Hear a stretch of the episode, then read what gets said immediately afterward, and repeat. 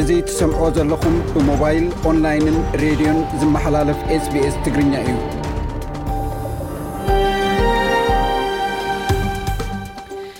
ኣብ ኤርትራ ኩባንያ ኮሉሊ ዝውንኖ ዝነበረ ሓ ሚታዊት ብርኪ ኣውስትራልያዊ ኩባንያ ዳናካሊ ናብ ቻይናዊ ኩባንያ ተሸይጡ ኣሎ ከበቲ ኣፅዋራት ሰራዊት ትግራይ ናብ መንግስቲ ኢትዮጵያ ምርካቦም ጀሚሮም ቻይና ናይ ኢትዮጵያ ዕዳ ንምስራዝ ስምምዕ ፈሪማ ክልተ ዕሉላት ኣሰጋግርቲ ዝተባሃሉ ኤርትራውያን ዝርከብዎም ጥርጡራት ኣብ ቤት ፍርዲ ኔዘርላንድስ ክቐርቡ ተኣዚዞም ዝብሉ ንሎሚ በጺሖምና ዘለዉ ዜናታት እዮም። ሰላም ዝኸበርኩም ሰማዕትና ካብ ስቱድዮ ስbs ሜልበርን ኣውስትራልያ ንሎሚ ሓሙስ 12 ጥሪ 223 ዝተዳለወ መደብ ሒዝና ቀሪብና ኣለና። ኣርባዕተ ናይ ስራሕ መዓልታት ክህልዉ ዝገብር ሓደ ኣሰራርሓ ነቲ ቐጻሊ ነዊሕ መወዳእታ ሰሙን ወይ ከኣ መዓልታት ዕረፍቲ ክህልወና ዝነበረና ሕልሚ ወይ ዓመት መጸ ንኣትዎ መብጽዓ ሓድሽ ዓመት ኣብዚ ቐረባ ግዜ ጋህዲ ወይ ክወን ክገብሮ ይኽእል እዩ። ዝያዳ ቁጽሪ ዘለወን ኣውስትራልያውያን ኩባንያታት ዓበይትን ንኣሽቱን ንሚዛን ስራሕ ናብራን ሰራሕተኛታተን ከመሓይሾ ተስፋ ብምግባር ለውጢ የተኣታትዋ ኣለዋ። ነዚ ዝምልከት ሓደ ትሕዝቶ ኣለና። ካቶሊካዊት ቤተ ክርስትያን ሊቀ ጳጳስ ዝነበረ ጆርጅ ፔል ኣብ ከተማ ቫቲካን ሰሉስ ምሸት ዓሪፉ።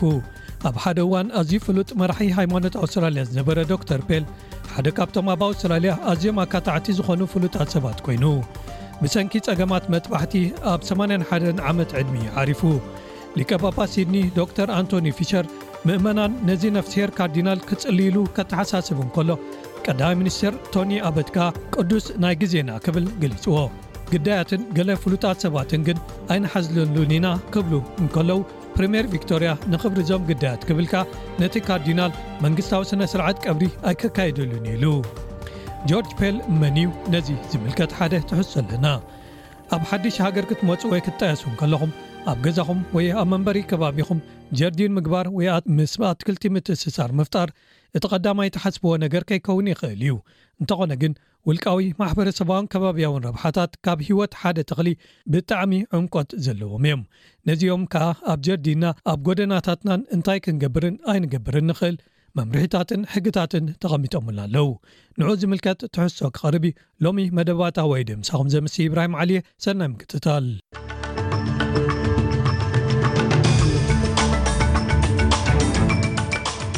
ቀንዲ ነጥብታት ዜና ቀዳማይ ሚኒስተር ኣውስትራልያ ኣንቶኒ ኣልባነዚ ሓደ ውዕል ምክልኻል ኣብ መንጎ ክልትኤን ሃገራት ንምጥንቓቕ ኣብ ፓፕዋ ኒው ጊኒያት እዩ ፕሪምየር ኒው ሳውዝ ዌልስ ዶሚኒክ ፔሮተይ ኣብ 2003 መበል 21 ዓመቱ ኣብ ዘብዓለሉ ዩኒፎርም ናዚ ብምኽዳኑ ይቕሬታ ሓቲቱ ክፍሊ ፍትሒ ኣሜሪካ ዲፓርትመንት ኦፍ ጃስቲስ ኣብ ሓደ ካብቶም ናይ ቀደም ቤት ጽሕፈታት ፕሬዚደንት ጆ ባይደን ዝረኸቦም ምስጢራዊ ምዃኖም ዘመልክት ምልክታት ዝነበሮም ሰነዳት ይምልከቶም ከም ዘሎ ገሊጹ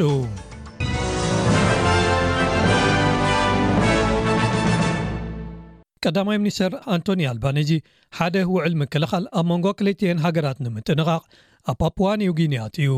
ሚስተር ኣልባኒዚ ንልዕሊ ኣርባዕተ ዓመታት ናብቲ ሃገር ምብጻሕ ዝፈጸመ ናይ ፈለማ ቀዳማይ ሚኒስተር ኮይኑ እተን ሃገራት ክልተኣዊ ውዕል ጸጥታ ክብጻሕ ዘኽእል ሓደ ወሳኒ ሰነድ ክፈራረማ እየን። ምስቲ ቀዳማይ ሚኒስተር ዝተጓዕዘ ሚኒስተር ፓስፊክ ፓት ኮንሮይ እዚ ንኣውስትራልያ ተመራጺት መሻርኽቲ ጸጥታ ብዛዕባ ምግባራ'ዩ ክብል ንኤቢሲ ሓቢሩ። It's about the opening up legal mechanisms for greater cooperation so that could include hypothetically እዚ ንዝለዓለ ምትሕብባራት ሕጋውያን መንገድታት ብዛዕባ ምኽፋት እዩ። ስለዚ እዚ ብስነ-ሓሳብ ደረጃ መራኽብ ሓይሊ ባሕሪ ኣውስትራልያ ዝያዳ ምብጻሕ ክገብሩ ምፍቃድ ወይ ከኣ እቶም ናይ ፓፕዋ ኒው ጊኒ ናብ ኣውስትራልያ ክበጽሑ ምግባር እዩ። እዚ ዝዓበየ ወተሃደራዊ ምትሕብባር ኣብ ስልጠና ዘካተተ እውን ክኸውን ይኽእል እዩ። ሚስተር ኣልባኔዚ ብተወሳኺ ሎሚ ኣብ ባይቶ ፒኤንጂ መደረ ዘስመዐ ቀዳማይ መራሒ ካልእ ሃገር ኮይኑ ኣሎ። ንሱ ንለውጢ ክሊማ ወሲኽካ ከምኡ'ውን ኣብ ምክልኻልን እናዓበየ ዝኸደ ጽልዋ ቻይና ኣብቲ ዞባን ዘባጽሕ ብዙሓት ዝተፈላለዩ ዛዕባታት ተንኪፉ ኣሎ። ኣብቲ መደርኡ እዚ ዘለናዮ ንሰላምን ንብልጽግናን ወሳኒ ዕቑድ ዓመታት እዩ ኢሉ። A treaty based on deep trust and a treaty that builds on the family ኣብ ዓሚቕ ምትእምማን ዝተሰረተ ወይ ዝተመስረተ ውዕል፣ ንዞባዊ ጸጥታ ቀድም ስድራቤት ዝብል ኣካይዳ ምህናጽ ዝቕጽል ውዕል፣ ንኻልኦት ኣብነትን ኣብ መጻኢ ምሕዝነትና ከኣ ሓደ ወፍሪ እዩ። በዚ ዓይነት መንፈስ ዞባዊ ምውህሃድ ንሕና ንዜጋታት PNG ናብ ኣውስትራልያ ክጓዓዙን ክሰርሑን እቲ ዕድላት ከነስፍሖ ኢና። እቲ ቀዳማይ ሚኒስተር ንነጻነት ፒኤንጂ ኣውስትራልያ ዝለገሰትላ ዘይኮነስ ህዝቢ ፒኤንጂ መሰሎም ዘረጋገጽሉ እዩ ክብል ገሊጽዎ። ነቲ ሓንቲ ኣብ ኣውስትራልያ ትጻወት ጋንታ ሃገራዊ ሊግ ራግቢ ወይ ኤንኣርኤል ቲም ክትምስረት ዝግበር መጽዋዕታ ከኣ ደጊሙ ኣቃልሔዎ ኣሎ። ፕሪምየር ኒው ሳውዝ ዌልስ ዶሚኒክ ፔሮተይ ኣብ ክልተ ሽሕን ሰለሰን መበል ዕስራን ሓደን ዓመት ዕድሚኡ ኣብ ዘብዓለሉ ዩኒፎርም ናዚ ብምኽዳኑ ይቕሬታ ሓቲቱ። ሚስተር ፔሮተይ ሓደ መሳርሕቱ ሚኒስተር ቅድሚ ክልተ መዓልቲ ነዚ ጉዳይ ብተሌፎን ኣልዒሉ ኣዘራሪቡኒ ኢሉ። እቲ ፕሪምየር እዚ ንነዊሕ ከሳቕዮ ዝጸንሐ ነገር ምንባሩ ብምጥቃስ ቅድሚ ሕጂ'ውን ባዕሉ ነብሱ ከቃልዕ ሓሲቡ ከም ዝነበረ ሓቢሩ። I'm deeply ashamed of what I did and I'm truly sorry for the hurt. በቲ ዝገበርክዎ ዓሚቕ ሕፍረት እዩ ተሰሚዑኒ ዘሎ። ኣብ መላእ ግዝኣትና ንዝርከቡ ህዝብታትን ብፍላይ ከኣ ንኣባላት ማሕበረሰብ ኣይሁድን ውጽኣ መዓት ሆሎኮስት ሓርበኛታትን ቤተሰቦምን ነቲ ዘስዓብክዎ ቃንዛን ሃስያን ካብ ውሽጢ ይቕሬታ ይሓትት። ኣዛዚ ሓይሊ ባሕሪ ኣውስትራልያ ዝነበረ ቫይስ ኣድሚራል ማይክል ኑናን ናብ ሓደ ጉዕዞ መርከብ ውሽጢ ባሕሪ ሳብማሪን ሽዑ ጓለንሰይቲ ዓርኩ ዝነበረት ሒዙ ብምምፅኡ ነቐፌታ ቐሪቡሉ። ሚስተር ኑናን ኣብ ማእከል ባሕሪ እናሃለው ነታ ዓርኩ ክትምርዓዎ ሕቶ ኣቕሪብላ ተባሂሉ ተገሊፁ። እታ ሳብማሪን ኣብ ከባቢ ጀራልተን ንምምልማል ሓደስቲ ኣባላት ሓይልታት ምክልኻል ሓደ ፊልም ኣብ ዝዳለወሉ ዝነበረ እዋን፣ ትሳተፍ ዝነበረት እያ። ቤት ጽሕፈት ክፍሊ ምክልኻል፣ ዝተጣሕሱ ሕግታት የለዉን ክብል ገሊጹ። ሰላማውያን ሰባት ኣብ ከምዚኦም ዓይነታት ጉዕዞታት መብዛሕትኡ ግዜ ዘይዕደሙ ብምዃኖም ግን እዚ ዘይተለምደ እዩ ክብል ገሊጹ። ተሓጋጋዚ ኣፈኛ ምክልኻል ተቓዋሚ ሰልፊ ፊል ቶምሰን እዚ ተግባር ዘይግቡእ ምዝመዛ ስልጣን እዩ ብምባል ሓይሊ ባሕሪ ፕሮፌሽናል ዝኾነ ትካል ደኣ እምበር ናይቲ ሓይሊ ሓላፊ ዝነበረ ውልቃዊ ናይ ፍቕሪ ዕንደራ ኣይኮነን ክብል ገሊጹ። ኣብ ዩክረይን ብሕታዊ ወተሃደራዊ ጕጅለ ዝዀነ ቫግነር፣ ሬሳ ናይ ሓደ ካብቶም ኣብ ምብራቓዊ ዩክረይን ዝጠፍኡ ክልተ ብሪጣንያውያን ወለንተኛታት ሰራሕተኛታት ረድኤት ረኺበ ኣለኹ ክብል ገሊጹ። እቶም ክልተ ሰባት ኣንድሪው ባግሾውን ክሪስቶፈር ፓሪን ብፖሊስ ዩክረይን ዝሓለፈ ሶኒ ጠፊኦም ተባሂሎም ተሓቢሮም እዮም። ፖሊስ እዞም ሰባት ዓርቢ ንግሆ ካብ ከተማ ክራማቶርስክ ተበጊሶም ናብ ንእሽቶ ከተማ ሶለዳር እናምርሑ ቀዳም ምሸት ርክቦም ምስኦም ድሕሪ ምቁራጹ ደሃዮም ጠፊኡ ክብሉ ሓቢሮም ነይሮም እዮም። ሓደ መግለጺ ካብ ጉጅለ ቫግነር ስም ናይዞም ጠፊኦም ዝተባህሉ ሰባት ዝሓዘ ክልተ ፓስፖርትታት ኣርእዩ። እቲ መግለጺ ብተወሳኺ ሎሚ ሬሳ ናይ ሓዲኦም ተረኺቡ ኣሎ፣ ናይ ክልቲኦም ብሪጣንያውያን ሰነዳት ከኣ ምስኡ ተረኺቦም ይብል። እቲ ሬሳ ዝተረኽበሉ ቦታ ዝሕብር ወይ ዝእንፍት ግን ዋላ ሓደ ምልክት የብሉን። ሓደ ኣፈኛ ቤት ጽሕፈት ወጻኢ ጉዳያት ብሪጣንያ ንስድራቤት ኣብ ዩክረይን ደሃዮም ዝጠፍአ ክልተ ብሪጣናውያን ንተሓጋገዞም ኣለና ክብል ጥራይ ገሊጹ። ቤተ መንግስቲ ዋይት ሃውስ ክፍሊ ፍትሒ ዲፓርትመንት ኦቭ ጃስቲስ ኣብ ሓደ ካብቶም ናይ ቀደም ቤት ጽሕፈታት ፕሬዚደንት ጆ ባይደን ዝረኸቦም ሒደት ቁጽሪ ዘለዎም ሰነዳት ምስጢራዊ ምዃኖም ዘመልክት ምልክታት ዝነበሮም ኢሉ ዝገለጾም ይምልከቶም ከም ዘሎ ገሊጹ። ዋና ጸሓፊት ፕረስ ዋይት ሃውስ ኬሪን ዢዮሬ ፒየር ንካብ ጋዜጠኛታት ንዝቐረበላ ሕቶታት መሊሳ ኣላ።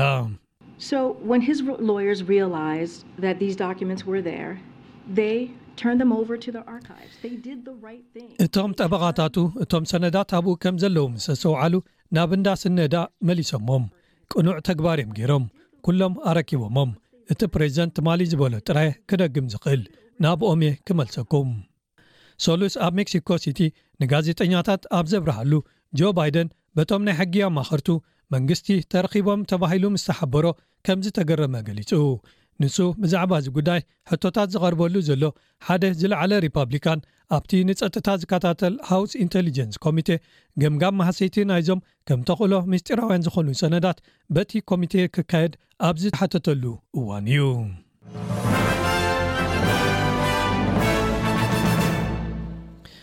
ኣብ ዜናታት ስፖርት ኸኣ ጃፓናዊት ኮኸብ ባይታ ቴኒስ ናኦሚ ኦሳካ ካብ ናይዚ ዓመት ግጥማት ባይታ ቴኒስ ኣውስትራልያን ኦፕን ከምዘንሰሓበት ድሕሪ ምግላጻ ድሕሪ ሰለስተ መዓልቲ ጥንስቲ ከምዝኾነት ገሊጻ። እዛ ኣርባዕተ ግዜ ተዓዋቲት ዓበይቲ ውራያት ቴንስ ግራንድ ስላምስ ዝኾነት ናኦሚ ነዚ ዜና ዘውጽኣቶ ብመንገዲ ትዊተር ኮይኑ ስእሊ ጥንሲ ስካን ብምትሕሓዝ እዩ። ንሳ ምስቲ ስእሊ ናብ ባይታ ግጥም ክምለስ ተሃንጥየ ኣለኹ፣ ግን ን2023 ሓድሽ ሓበሬታ ብዛዕባ ንእሽቶ ህይወት ኣብዚ እነሀልኩም ዝብል መልእኽቲ ኣተሓሒዛትሉ። እዛ ጓል ዕስራን ሓሙሽተን ዓመት ንባይታ ቴኒስ ኣውስትራልያን ኦፕን ክልተ ሽሕን ዕስራን ኣርባዕተን ኣብ ግዜኡ ክምለስ ትጽቢት ይገብር ኢላ። ናኦሚ ቅድሚ ሕጂ ኣብ ኣውስትራልያን ኦፕን ክልተ ግዜ ተዓዊታ እያ። ብኻልእ ወገን ኣውስትራልያ ነቲ ሓምለ ዕስራ ክልተ ሽሕን ዕስራን ሰለስተን ዝጅመር ዋንጫ ዓለም ኩዕሶ እግሪ መዳለዊ ዝካየድ ውራይ ዋንጫ ሃገራት ደቂ ኣንስትዮ ከተእንግድ ተመሪጻ። እዚ ኣብ ወርሒ ለካቲት ዝካየድ እተን ተሳተፍቲ ሃገራት ኩለን ነንሓድሕደን ዝገጥማሉ ውራይ ማቲልዳስ ናይ ኣውስትራልያ ኣንጻር ስፐይን፣ ጃማይካን እተን ኣብ ዝለዓለ ተርታ ዝስርዓ ቸክ ሪፓብሊክን ዝገጥማሉ ክኸውን እዩ። እዞም ግጥማት ኣብ መላእ ግዝኣት ኒው ሳውዝ ዌልስ ኣብ ጎስፈርድ፣ ሲድኒን ኒውካስልን ክካየዱ እዮም። ኣሰልጣኒ ማቲልዳስ ቶኒ ጉስታቭሰን ደገፍቲ ንጋንትኡ ከተባብዑ ክወጽኡ ክርእዮም ይደሊ'የ ኢሉ።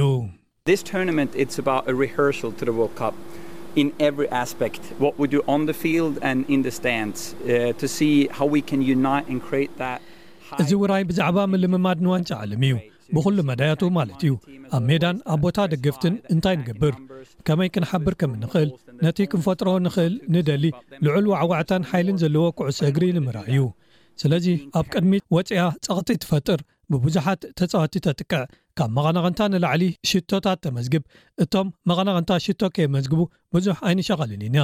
ኣብ መጥቃዕቲ ተድህብ ጋንታ ክትርእዩ ኢኹም፣ ዝያዳ ሽቶታት ከነመዝግብ ኢና፣ እዚ ኸኣ ካብ ደገፍቲ'ዩ ዝብገስ። እዚ ካብ ከተማ ሜልበርን ኣውስትራልያ ዝፍኖ ሬድዮ ኤስቢኤስ መደብ ትግርኛ'ዩ። ዜና ኣብዚ ተፈጺሙ'ሎ። ምስ ዝተረፉ መደባትና ምሳና ክትፀንሑ ደጊመ ይዕድም።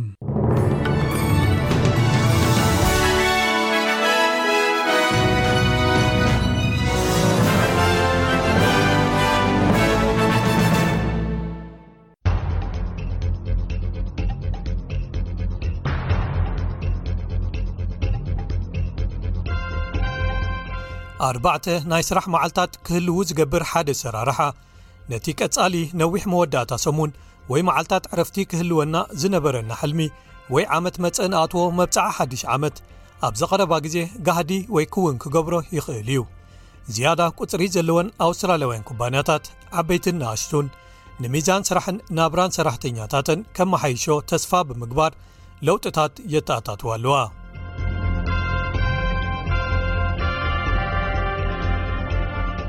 ኦወን ዊንሰር ኣብ ከተማ ሜልበን ሓንቲ መርበባት ሓበሬታ ተማዕብል ኩባንያ ንግዲ ይውንን 6ዱሽ ኣዋርሕ ይገብር ንሱን ሰራሕተኛታቱን ካብ ናይ ምሉእ ሰዓታት ኣሰራርሓ ማለት ሓሙሽ መዓልታት ኣብ ሰሙን ናብ ኣርባዕተ መዓልታት ጥራይ ዝዀናሉ ኣሰራርሓ ተሰጋጊሩ ኣሎ One of the things that we wanted to do was to create a workplace that was actually. ሓደ ካብቶም ክንፍጽሞም ንደሊ ዝነበርና ኩሉ ሰብ ተሓጒሱ ዝመጻሉን ክብሪ ዝህቦምን ቦታ ስራሕ ንምፍጣር እዩ ነይሩ ግን ከኣ ክጭበጥ ዝከኣል ንሕና ከምዚ ሓለፋታት ዝበሃል ቁርሲ ወይ ክሽነ ኣይኮናን ክህልወና ንደሊ ዘለና ንሰራሕተኛታትና ትርጉም ዘለዎ ነገር ኢና ክንገብረሎም ደሊና ኣርባዕተ መዓልትታት ስራሕ ዘለዎ ሰሙን ንዓና ንጹር ዝኾነ ኣሰራርሓ ወይ ኣተሓሕዛ ነይሩ፣ ምኽንያቱ እዚ ንሰባት ህይወቶም ብሓቂ ክነብሩሉ ግዜ ይህቦም፣ እናሰርሑልናን ምሳና ርክቦም እናቐጸሉን።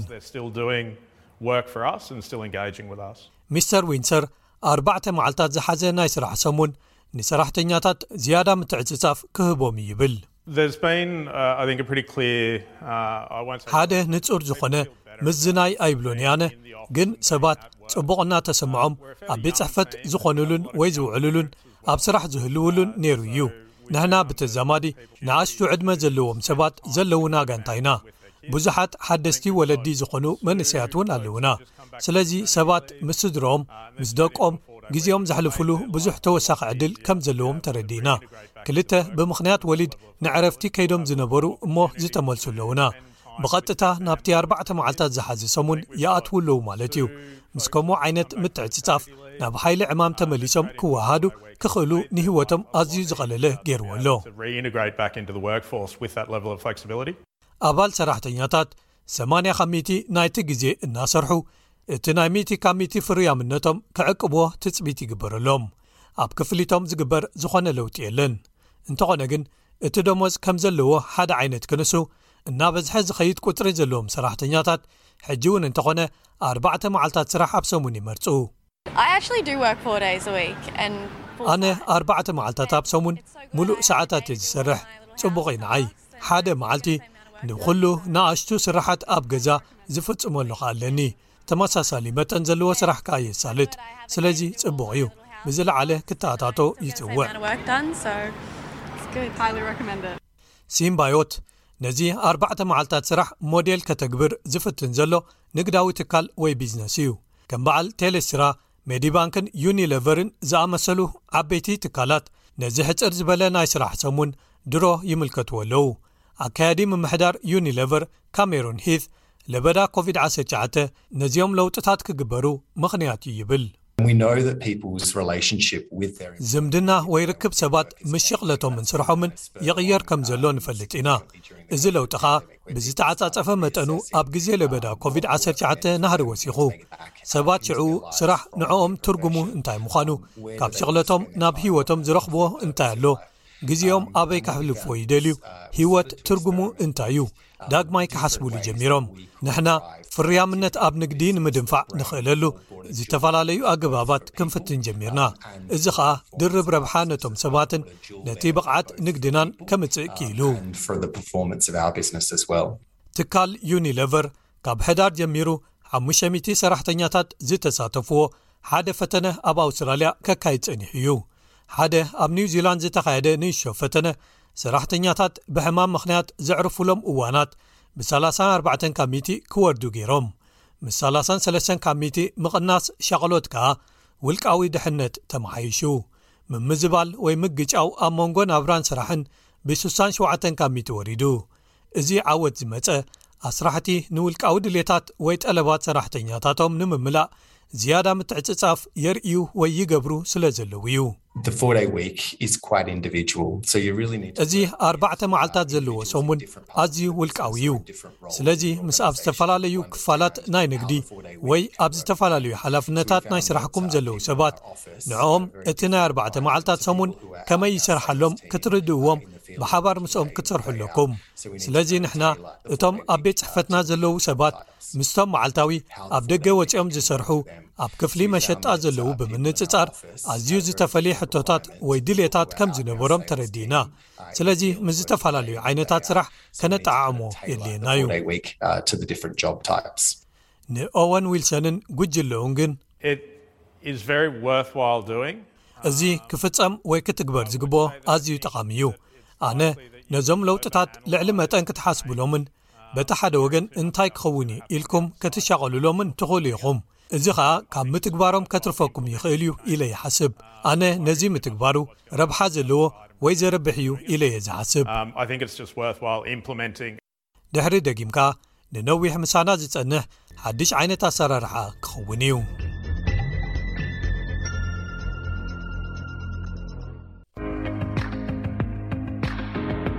ሰላም ከመይ ትቕንዩ ክቡራ ተኸታተልቲ ስቤስ ትግርኛ ነሰዓት ተዳለዎ ዜናታት እንሆ ፈለማ ርእስታቶም ክነቐድም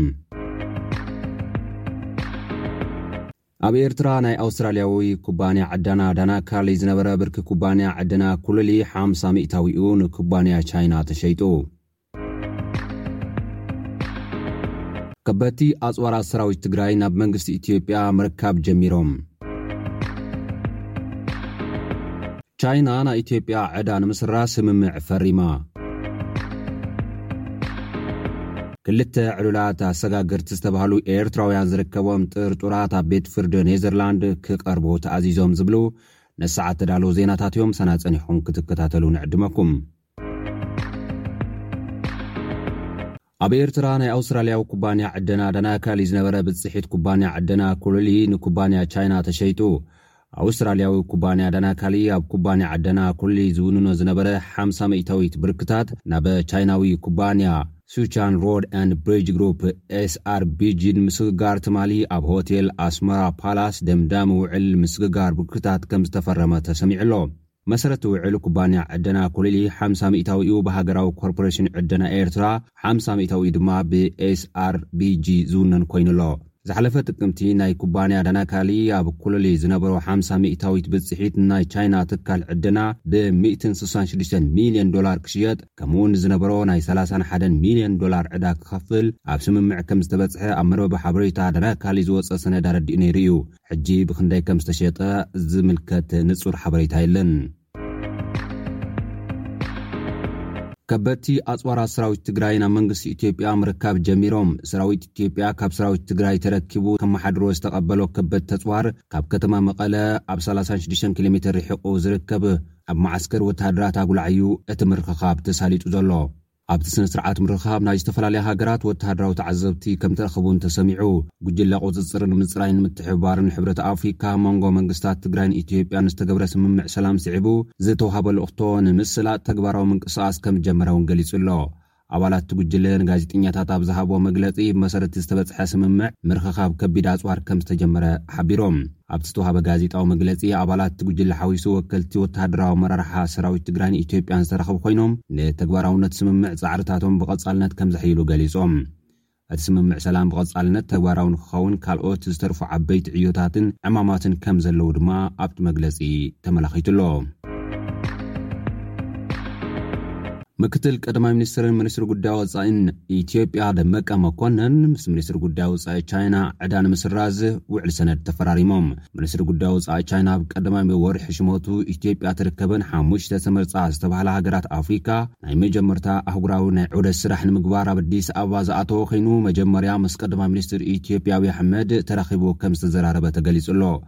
ቀጺሉ ምስ መዘንኡ ኢትዮጵያዊ ምክትል ቀዳማይ ሚኒስትርን ሚኒስትሪ ጉዳይ ወጻእን ደመቀ መኮነን ተራኺቦም ኣብ ክልተኣዊ ጉዳያትን ኣህጉራውን ዲፕሎማስያውን ምትሕብባራት ክልቲኤን ሃገራት ከምዝተዘራረቡ ተሰሚዑ። ብመሰረት ካብ ሚኒስትሪ ጉዳይ ወጻኢ ኢትዮጵያ ዝተረኽበ ሓበሬታ፣ ምስ ኣይተ ደመቀ መኮነን ድሕሪ ምዝርራብ ኢትዮጵያ ካብ ቻይና ዝተለቀሐቶ ገለ ዕዳ ንምስራዝ ኣብ መንጎ ክልቲኦም ሚኒስትራት ስምምዕ ተፈሪሙ ኣሎ።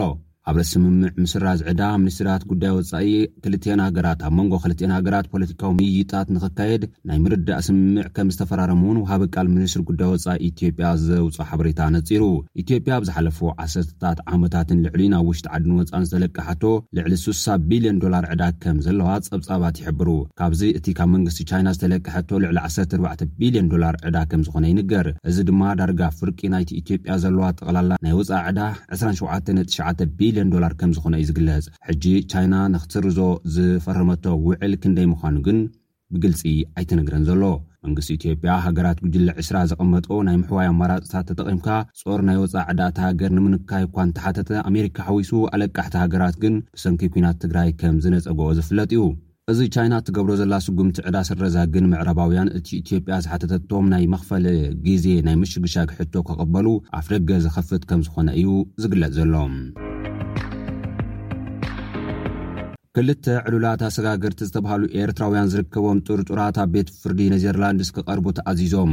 እቶም ክልተ ኤርትራውያን ዝርከቦም ሸውዓተ ጥርጡራት ብኣህጉራዊ ትካል ገበን ብዘይሕጋዊ ምስጋር ሰባት፣ ጭወያ፣ ቕትለት፣ ዓመጽ፣ ከምኡውን ካልኦት ገበናትን ዝኽሰሱ እዮም። ብመሰረት'ዚ ኣብ ዝሓለፈ ዓመት ኣብ ወርሒ ጥቅምቲ ኢትዮጵያ ኣሕሊፋ ዝሃበቶ ወዲ ሰላሳን ትሽዓተን ዓመት ኤርትራዊ ኣብቲ ዝወዓለ ቀዳማይ መዓልቲ ምስማዕ ጉዳያት ቅድመ ፍርዲ ብቐዳምነት ጉዳይ ክሱ ክሰምዕ ውዒሉ ኣሎ። ብኣስተርጓሚኡ ኣብ ዝሃቦ ቃል ግዳይ ግጉይ መንነት ምዃኑ እቲ ዝድለ ተወልደ ጎይትኦም ንሱ ከምዘይኮነ ተዛሪቡ እዩ። ዓቀብቲ ሕጊ ግን እቲ ሰብ ባዕሉ ተወልደ ጎይትኦም ምዃኑ ከምዝኣምኑን መርትዖታት ከምዘለዎምን ገሊጾም እዮም። ሃገራዊ ላብራቶሪ ፎረንሲክ ኔዘርላንድስ መንነቱ ንምርግጋጽ ዘድሊ ምርመራ ይገብር ከምዘሎ'ውን ኣፍሊጡ ኣሎ። ካብ ክልተ ሽሕን ዓሰርተ ኣርባዕተን ዓመተ ምህረት ክሳብ ክልተ ሽሕን ዕስራን ዓመተ ምህረት ኣብ ዝነበረ እዋን ብዙሓት ኤርትራውያን ስደተኛታት ብሓደገኛ ኣግባብን ዓመጻት ዝበዝሖ ኩነታትን ኣሰጋጊሩ ብዝብል ዝኽሰስ'ዩ እዚ ተጠርጣሪ ናብ ቤት ፍርዲ ኔዘርላንድስ ቀሪቡ ዘሎ። ኣብዚ ገበን ዝተጸውዐ ካልእ ኤርትራዊ ጥርጡር ከኣ እቲ ዝሓለፈ ሰሙን ኣብ ሱዳን ዝተታሕዘ ኪዳነ ዘካርያስ ሃብተማርያም ኮይኑ ብዘይሕጋዊ ምስግጋር ሰባት ዝኽሰስ እዩ። ጠበቓ ዓቃቢ ሕጊ ፔትራ ሆክስትራ እቲ ቀንዲ መራሒ መርበብ ገበን ምዃኑ ዝጥርጠር ሰብ ኣብ ባሕቲ እዚ ዓመት ኣብ ሱዳን ዝተታሕዘ ኪዳነ ዘካርያስ ምስ ጉዳይ ተወልደ ጎይትኦም ተኣሳሲሩ ጉዳዩ ክረኣ ንቤት ፍርዲ ሓቲታ'ላ። ግዳይ መርበብ ገበን ናይዞም ኣሰጋገርቲ ሰባት ዝኾኑ መብዛሕቲኦም ካብ ኤርትራ ናብ ኔዘርላንድ ዝሰጋገሩ ስደተኛታትን ኣብ ኔዘርላንድ ዝነብሩ ቤተሰቦምን'ዮም ተባሂሉ'ሎ። ኣገልግሎት ዓቃቢ ሕጊ እታ ሃገር እቶም ስደተኛታት ኣብቲ ብኣሰጋገርቲ ሰባት ዝተዋደደ ከቢድ ዓመጽ ከምዝወረዶም'ዩ ገሊጹ። እቶም ስደተኛታት ኣብ ጉዕዞኦም ኣብ ሊብያ በቶም ኣሰጋገርቲ ኣብ ዝመሓደሩ ገዛውቲ ይእሰሩ ከምዝነበሩን ስድርኦም ድማ ብዙሕ ገንዘብ ክኸፍሉ ይግደዱ ምንባሮምን'ዩ ኣብቲ ክሲ ተረቝሑ ዘሎ። ኩቡራት ተኸታተልቲ SBS ትግርኛ ነዚ ሰዓት ተዳለወ ዜና እዚ ይመስል ምሳና ጸኒሕኩም ስለ ዝተኸታተልኩም ኣዚና ነመስግን ኣብ ቀጻሊ ብኻልእ ትሕዝቶ ክንራኸብ ኢና ሰሰናይ ንምነየልኩም ክቡራት ሰማዕትና ኣውስትራልያዊ ካቶሊካዊ ሊቀ ጳጳስ ነበር ጆርጅ ፔል ኣብ ከተማ ቫቲካን ሰሉስ ምሸት ዓሪፉ። ኣብ ሓደ እዋን ኣዝዩ ፍሉጥ መራሒ ሃይማኖት ኣውስትራልያ ዝነበረ ዶክተር ፔል፣ ሓደ ካብቶም ኣብ ኣውስትራልያ ኣዝዮም ኣካታዕቲ ዝኾኑ ፍሉጣት ሰባት ኮይኑ እዩ። ብሰንኪ ጸገማት መጥባሕቲ ኣብ ሰማንያን ሓደን ዓመት ዕድሚኡ ዓሪፉ። ሊቀ ጳጳስ ሲድኒ ዶክተር ኣንቶኒ ፊሸር፣ ምእመናን ነዚ ነፍሲሄር ካርዲናል ክጽልዩሉ ከተሓሳስብ እንከሎ፣ ቀዳማይ ሚኒስተር ነበር ቶኒ ኣበት፣ ቅዱስ ናይ ግዜና ክብል ገሊጽዎ። ግዳያትን ገለ ፍሉጣት ሰባትን ኣይንሓዝነሉን ኢና ክብሉ እንከለው፣ ፕሪሜር ቪክቶርያ ንክብሪ እዞም ግዳያት ክብል ነቲ ካርዲናል መንግስታዊ ስነ ስርዓት ቀብሪ ኣይክካየደሉን'ዩ ኢሉ ኣዊጁ'ሎ። ጆርጅ ፔል ግን መን'ዩ ነይሩ?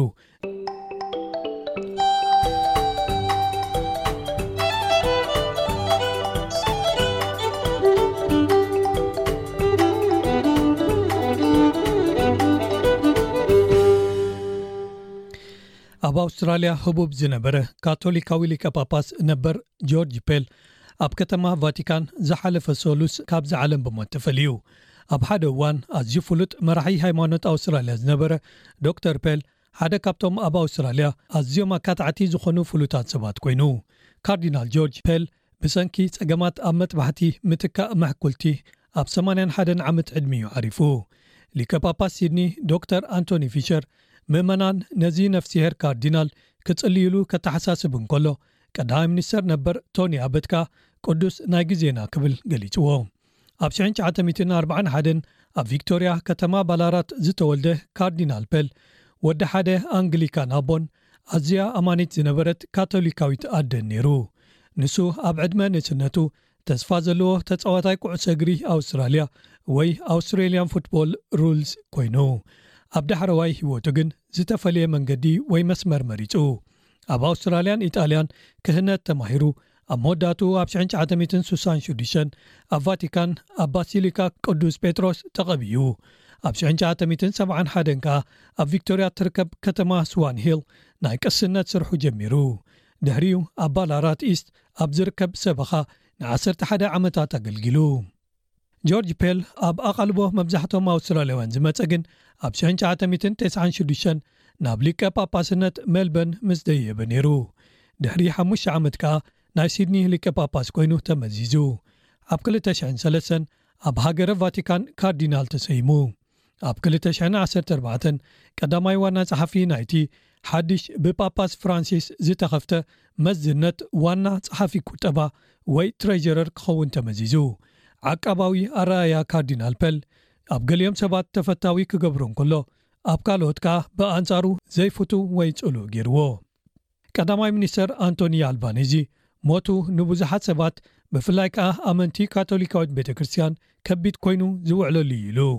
መንግስቲ ኣውስትራልያ ብክፍሊ ጉዳያት ወጻኢ ዘድሊ ምትሕብባር ክገብር ምዃኑ ከኣ ኣረጋጊጽሉ።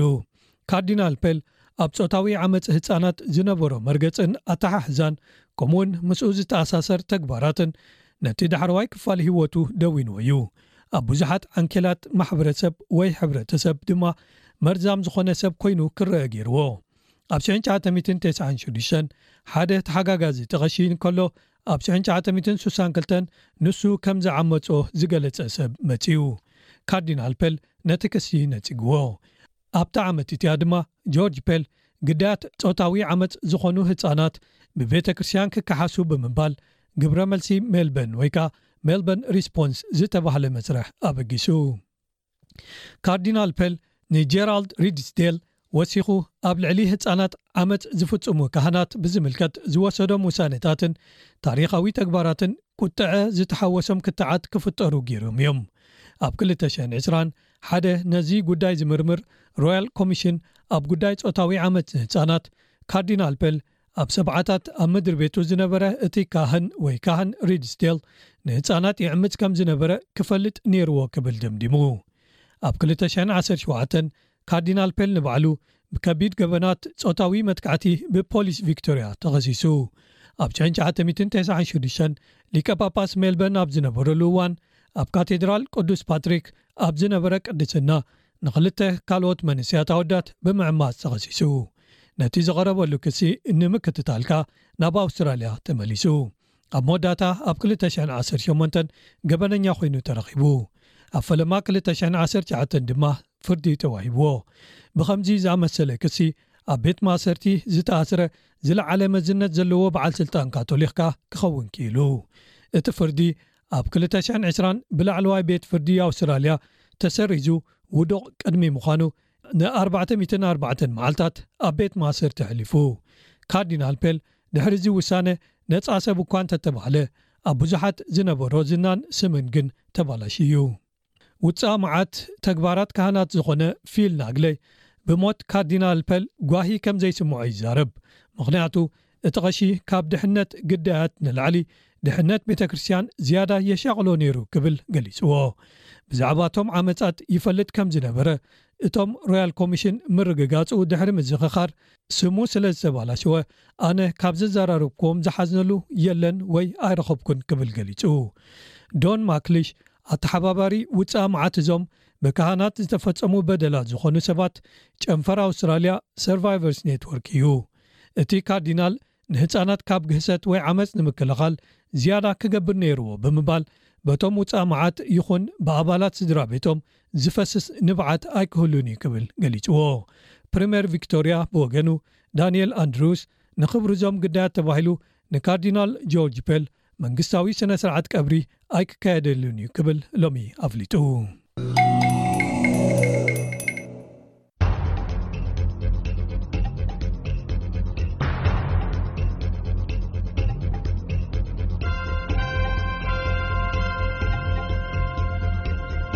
ኣብ ሓድሽ ሃገር ክትመጹ ወይ ክትጣየሱ ከለኹም ኣብ ገዛኹም ወይ ኣብ መንበሪ ከባቢኹም ጀርዲን ምግባር ወይ ምስ ኣትክልቲ ምትእስሳር ምፍጣር እቲ ቐዳማይ ተሓስብዎ ነገር ከይከውን ይኽእል እዩ እንተኾነ ግን ውልቃዊ ማሕበረሰባውን ከባብያውን ረብሓታት ካብ ህይወት ሓደ ተኽሊ ብጣዕሚ ዕምቆት ዘለዎም እዮም ነዚኦም ከኣ ኣብ ጀርዲናን ጎደናታትናን እንታይ ክንገብርን ከይንገብርን ንኽእል መምርሒታትን ሕግታትን ተቐሚጦምልና ዘለዉ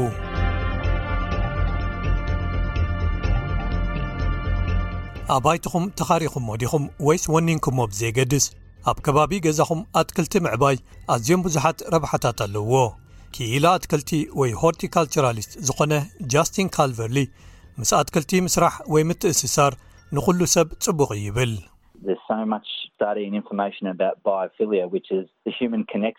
ብዛዕባ ባዮፊልያ ብዙሕ መጽናዕትን ሓበሬታን እዩ ዘሎ፣ ምትእስሳር ወይ ርክብ ደቂ ሰባት ምስ ከባቢኦም ማለት እዩ። ኣብ ኣባይቲ ዝተሃንጾም ከተማታት ካብዚ ርክብ ክንርሕቕ ንፍትን ግን ንሕና ኩሉ ግዜ ኣብ ተፈጥሮኣዊ ዓለም ብኣትክልቲ እንተተኸቢብና ኣዝዩ ዝበለጸ ከም ዝስምዓና ንፈልጥ ኢና። ካብ ምግራብን ምትካል ካልኦት ኣትክልትን ዝርከቡ ረብሓታት፣ ጽላል ምርካብን ካብ ሙቐት ወይ ጸሓይ ምዝሓልን ይርከብዎም ካልኦት ረብሓታት ከኣ ብፍላይ ኣብ ውሽጢ ዕሙር ኣግራብ ወይ ኣትክልቲ ምስ እትህልው እቲ ትረኽብዎ ወይ ተተንፍስዎ ዝተጻረየ ኣየር እዩ ንሓደስቲ መጻእቲ ናብ ኣውስትራልያ ኸኣ ሓደ ዝለመድኩሞ ወይ ቅድሚ ሕጂ ትፈልጥዎ ተኽሊ መልክዑ ወይ ትርጉሙ ቀይሩ ክትርእይዎ ዝፈጥሮ ስምዒት ኣሎ ክብል ሚስተር ካልቨርሊ ይገልጽ ናብ መበቆል ዓድኻ ብሓቂ ተመሊሱ ይወስደካ ኩሉ ነገር ሰላም ክኸውን ምዃኑ ዘረጋግእ መንፈስ ዝፈጥር ቁሩብ ነው ዘብለካ እዩ ኣብ ክትም ዝበሉ ከባቢታት ንረኽቦም ብዙሓት ዘይተለምዱ ነገራትን ድምፅታትን በቲ ዝለመድኩሞ ዝጥዕመኩምን ምሳኹም ዝዓበየን ነገር ብምርኣይ ብምትንካፍ ብምሽታት ወይ ከዓ ብምብላዕ ጥራይ ተተኪኦም ክሰኻኸሉልና ይኽእሉ እዮም ስምዒታት ምሽታትን ጣዕምን ናብ ቁልዕነት ይመልሱኻን ዝዓበኻሉ ዓድን ከባብን የዘኻኽሩኻን ኣትክልትን ጀራዲንን ነዚ ክህቡኻ ይኽእሉ እዮም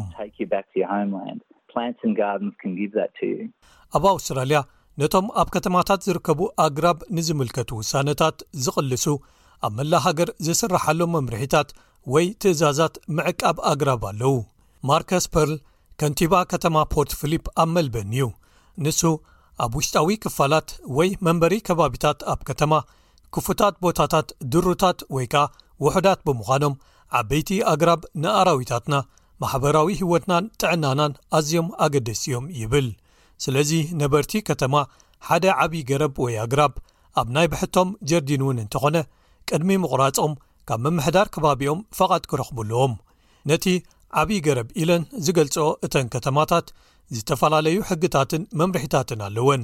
ኣባል ቤት ምኽሪ ምምሕዳር ከተማ ወይ ካውንስለል ፐርል ይገልጽ። ግን ብርግጽ ኣብ ውሽጣዊ ክፋል ከተማ ዝርከቡ መንበሪ ከባቢታትን ኣብቲ ማእከል ከተማ ባዕሉ ዘለዉን ኣብ ምቑራጽ እቶም ዓበይቲ ኣግራብ ኣብ ዝበዝሑ ቦታታቶም ብሓፈሽኡ ቀይድታት ኣለዎም ምኽንያቱ ምምሕዳራት ማእከል ከተማ ነቲ እርባን ካኖፒ ኢሎም ዝጽውዕዎ ናይ ከተማ ኣግራብ ክዕቅብዎ ይደልእዮም እዚ እቲ ዅሉ መጠን ኣግራብን ኣቕጹልተምን ወይ ዝፈጥርዎ ጽላልን እዩ ኣብ ዞባውን ገጠራውን ከባቢታት ከኣ ከም ርዱእ ንድሕነታት ባርዕ ጫካ ወይ ባርዕ ጣሻ ተባሂሎም ሕግታት ስለ ዝወጹ ፍልልያት ኣለዉ። ኩሎም ከባብያዊ ምምሕዳራት ኣብ መላእ ኣውስትራልያ ኣብ ውሽጢ ኣባይትኹም ዝርከቡ ኣግራብ እንታይ ትገብርዎም ዝገልጹ ብዙሓት ሓበሬታታት ኣለዎም። ዝኾነ ዘጠራጥር ወይ ንጹር ዘይኮነ ነገር ወይ ሕቶ እንተለኩም ብዙሓት ኣገልግሎታት ትርጉም ዝተፈላለየ ቋንቋታት ዘለዎ ምምሕዳር ከባቢኹም ኩሉ ግዜ ክትድውሉሎም ትኽእሉ ኢኹም። And if you're ever in question, you can always call your local council who has lots of language services also. ተኻረይቲ እውን ብወገኖም ሓምላይ ቦታታት ክህልዎምን ክከናኸኑን የድልዮም ምክንኻን ማለት ሳዕሪ ወይ ጀርዲን ምቕምቃምን ምምዕርራይን ከምኡ ውን ምቑራፅን እዩ ኣካየዲ መሸጣን ክራይን ኣባይቲ ኣብ ከተማ ሲድኒ ዝኾነ ኢጊ ዳምያኒ ኪንዮ ዝ ኸኣ ይብል ተኻረይቲ ገረብ ንምትካል ይኹን ንምልጋስ ወይ ንምቑራፅ ፍቓድ ክሓትልዎም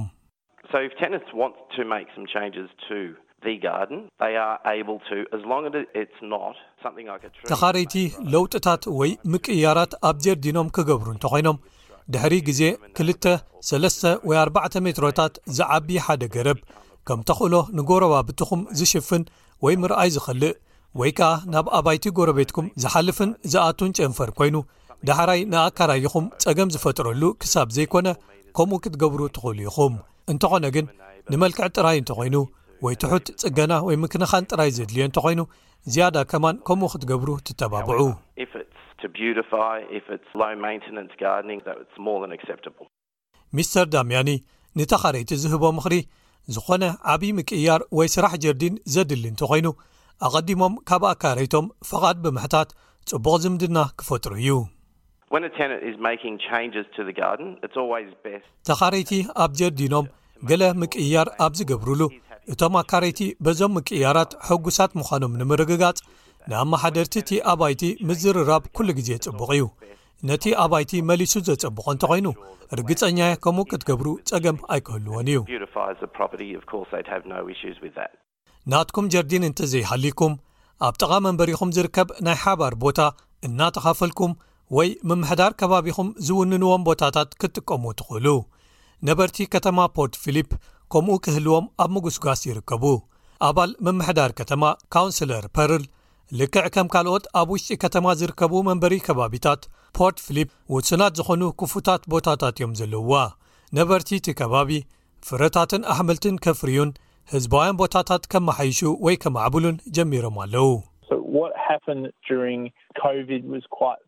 ኣብ ግዜ ኮቪድ ዝተፈጥረ ኣዝዩ መሳጢ ኩነታት እዩ ዝነብርሉ ከባቢ ዝከናኸኑ ሰባት ብዝሖም ተተኪሱ እዚ ነቲ ኣብ ቅድሚት ገዞም ወይ ኣፓርትመንቶም ዝርከብ ጸቢብ መተሓላለፊ ቦታ ወይ ሳዕሪ ዘለዎ ቦታ ውን የካትት ነይሩ ቁፅሪ ናይቶም ኣብ ከምዚኦም ዓይነታት ጀራዲናት ከበርክቱ ዝደልዩ ሰባት ኣዝዩ ወሲኹ ነቲ ምምሕዳርካ ኣብ መንጎ ሰባት ከምኡ ክገብሩ ዝተባብዑሎም መምርሒታት ምህላዎምን ብሓፈሽኡ ነቲ ማሕበረሰብ ድሕነት ብዝህልዎን ግብራዊ ብዝኾነን ኣገባብ ምክያዱን ሚዛን ዝሕልወሉ ኩነታት ክውጥን ዘድልዮ ግዜ ኮይኑ እቲ ቤት ምኽሪ ኣብ ዙርያቶም ኣብ ህዝባውያን ቦታታት ኣትክልቲ ምትካል ዝኽልክሉ ቀይድታት ብዛዕባ ዝለዓልሉ ኩነታት ኣዝዮም ግዱሳት ካብ ዝኾኑ ነበርቲ ልዑል ቁፅሪ ዘለዎም ርእይቶታትን ሓሳባትን ተቐቢሉ ንዘተ ምስ ማሕበረሰብ ተኸቲሉ ኸኣ ኣብቶም ተፈጥሮኣዊ ሳዕሪ ዝበቐሎም መሕለፊ መንገዲታት ምምሕዳር ከተማ ኣትክልቲ ምትካል ንምፍቃድ ሓደስቲ መምርሕታት ተቐሚጦም ካውንስለር ፐርል ክገልፅ እንከሎ ከምዚ ይብል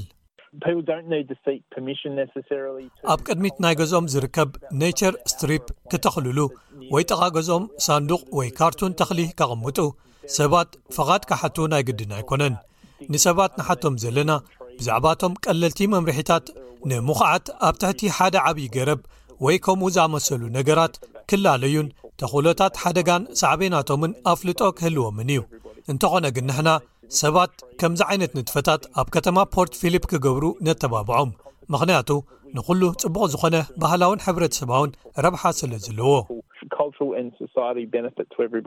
ምምሕዳር ከባቢኹም ኣብ ናይ ሓባር ቦታታት ክትተኽሉ ዘየፍቅደልኩምን ዘለኩም ቦታ ኸኣ ውሑድ ወይ ውሱን እንተ ዀይኑን ገዛኹም ሕጂ እውን እንተ ዀነ ህይወት ተኽሊ ካብ ምህላው ክጥቀም ይኽእል እዩ። ጃስቲን ካልቨሊ፣ ቀዋሚ ቦታ ንዘይብሎም ሰባት ናይ ዕትሮ ጀራዲን ጽቡቓት እዮም ይብል። እቲ ብዛዕባ ጀራዲን ዕትሮ እቲ ጽቡቕ ናቶም ልዑል ምትዕጽጻፍ ይህቡኻ ስለ ዝዀኑ እዩ። ምሳኹም ክትወስድዎም ትኽእሉ፣ ናብ ጸሓይ፣ ናብ ጽላል ከተውጽእዎም ትኽእሉ። እዚ ኣዝዩ ጽቡቕ እዩ፣ ግን ምናልባት ብንእሽቶ ምጅማር እዩ። ምስ ዕትሮ ዝኸይድ ቅኑዕ ወይ ልክዕ ተኽሊ የድልየኩም ስለዚ እቲ ልክዕ ዝኾነ ዕትሮ ዓቐኑን ምስቲ ተኽሊ ዝሰማማዕ ሕውስዋስ መንፀፍን ከም ዘለኩም ንምርግጋፅ ቁሩብ መፅናዕቲ ኣካይዱ ገለ እንዳ ፈልስታት ኣብ ክልቲኡ ማለት ኣብ ኣውስትራልያ ዝበቕሉ ወይ ዝዓብዩ ኣትክልታት ወይ ኔቲቭ ተባሂሎም ዝፅውዑን መበቆላዊ ወይ ኢንዲጀነስ ኣትክልታትን ጀራዲንን ኣትኲሮም ይሰርሑ ሚስተር ካልቨርሊ ኣብ መንጎ እዚኦም ዘሎ ፍልልይ ብኸምዚ ይገልጾ።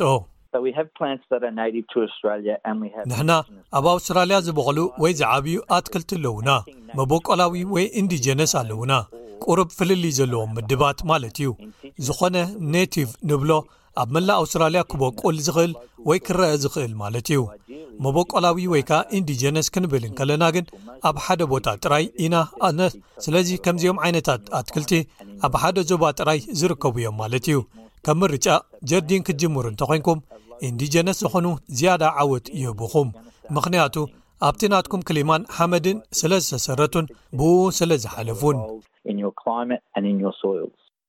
ሓደ ኣፍራይ ዝኾነ ወይ ፍርያት ዝርከቦ ጀርዲን ምትካል ዘይተኣደነ ረብሓታት ኣለውዎ። ብመንጽር መኣዛታት መግቢ ዝህሉ ረብሓ እንተተመልኪትና ንተፈጥሮኣውን ተኺሉ ካብ ጀርዲን ዝመጸ ወይ ፍሬሽ ዝኾነ ፍሩታን ኣሕምልትን ዘርክብ የለን።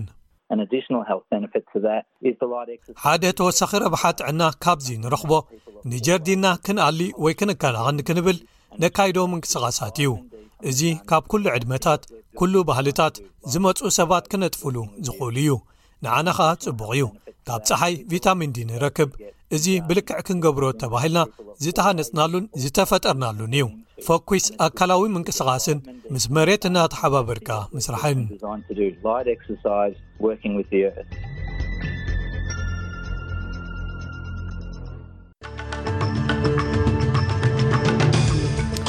ክቡራት ተኸታተልትና መደብና ንምዝዛም ናይ ሎሚ ቀንዲ ነጥብታት ዜና ክደግመልኩም ቀዳማይ ሚኒስትር ኣውስትራልያ ኣንቶኒ ኣልባነዚ ሓደ ውዕል ምክልኻል ኣብ መንጎ ክልትን ሃገራት ንምጥንቓቕ ኣብ ፓፕዋ ኒው ጊኒያት እዩ ፕሪምየር ኒው ሳውት ዌልስ ዶሚኒክ ፔሮተይ ኣብ 23 መበል 21 ዓመቱ ወይ ዓመት ዕድሚኡ ኣብ ዘብዓለሉ ዩኒፎርም ናዚ ብምኽዳኑ ይቕሬታ ሓቲቱ። ኣብ ዩክረይን ብሕታዊ ወተሃደራዊ ጉጅለ ዝዀነ ቫግነር ሬሳ ናይ ሓደ ካብቶም ኣብ ምብራቓዊ ዩክረይን ዝጠፍኡ ክልተ ብሪጣንያውያን ወለንተኛታት ሰራሕተኛታት ረድኤት ረኺበ ኣለኹ ክብል ገሊጹ። ክፍሊ ፍትሒ ኣሜሪካ ዲፓርትመንት ኦቭ ጃስቲስ ኣብ ሓደ ካብቶም ናይ ቀደም ቤት ጽሕፈታት ፕሬዚደንት ጆ ባይደን ዝረኸቦም ምስጢራዊ ምዃኖም ዘመልክት ምልክታት ዝነበሮም ሰነዳት ይምልከቶም ከም ዘሎ ገሊጹ። ክቡራት ሰማዕትና ብናይ ሎሚ መደባት ዓጊብኩም ክትኮኑ ተስፋ ንገብር። ኣብ ናይ ሶኒ መደባትና ካልእ ዝተፈላለየ ትሕዝቶታት ሒዝና ክንምለሰኩም ኢና እሞ ኣብ ዘዘለኹሞ ሰላም ክኾነልኩም እናተመነኹ ሶኒ ክሳብ ንራኸብ እምባር ሰሰናዩ።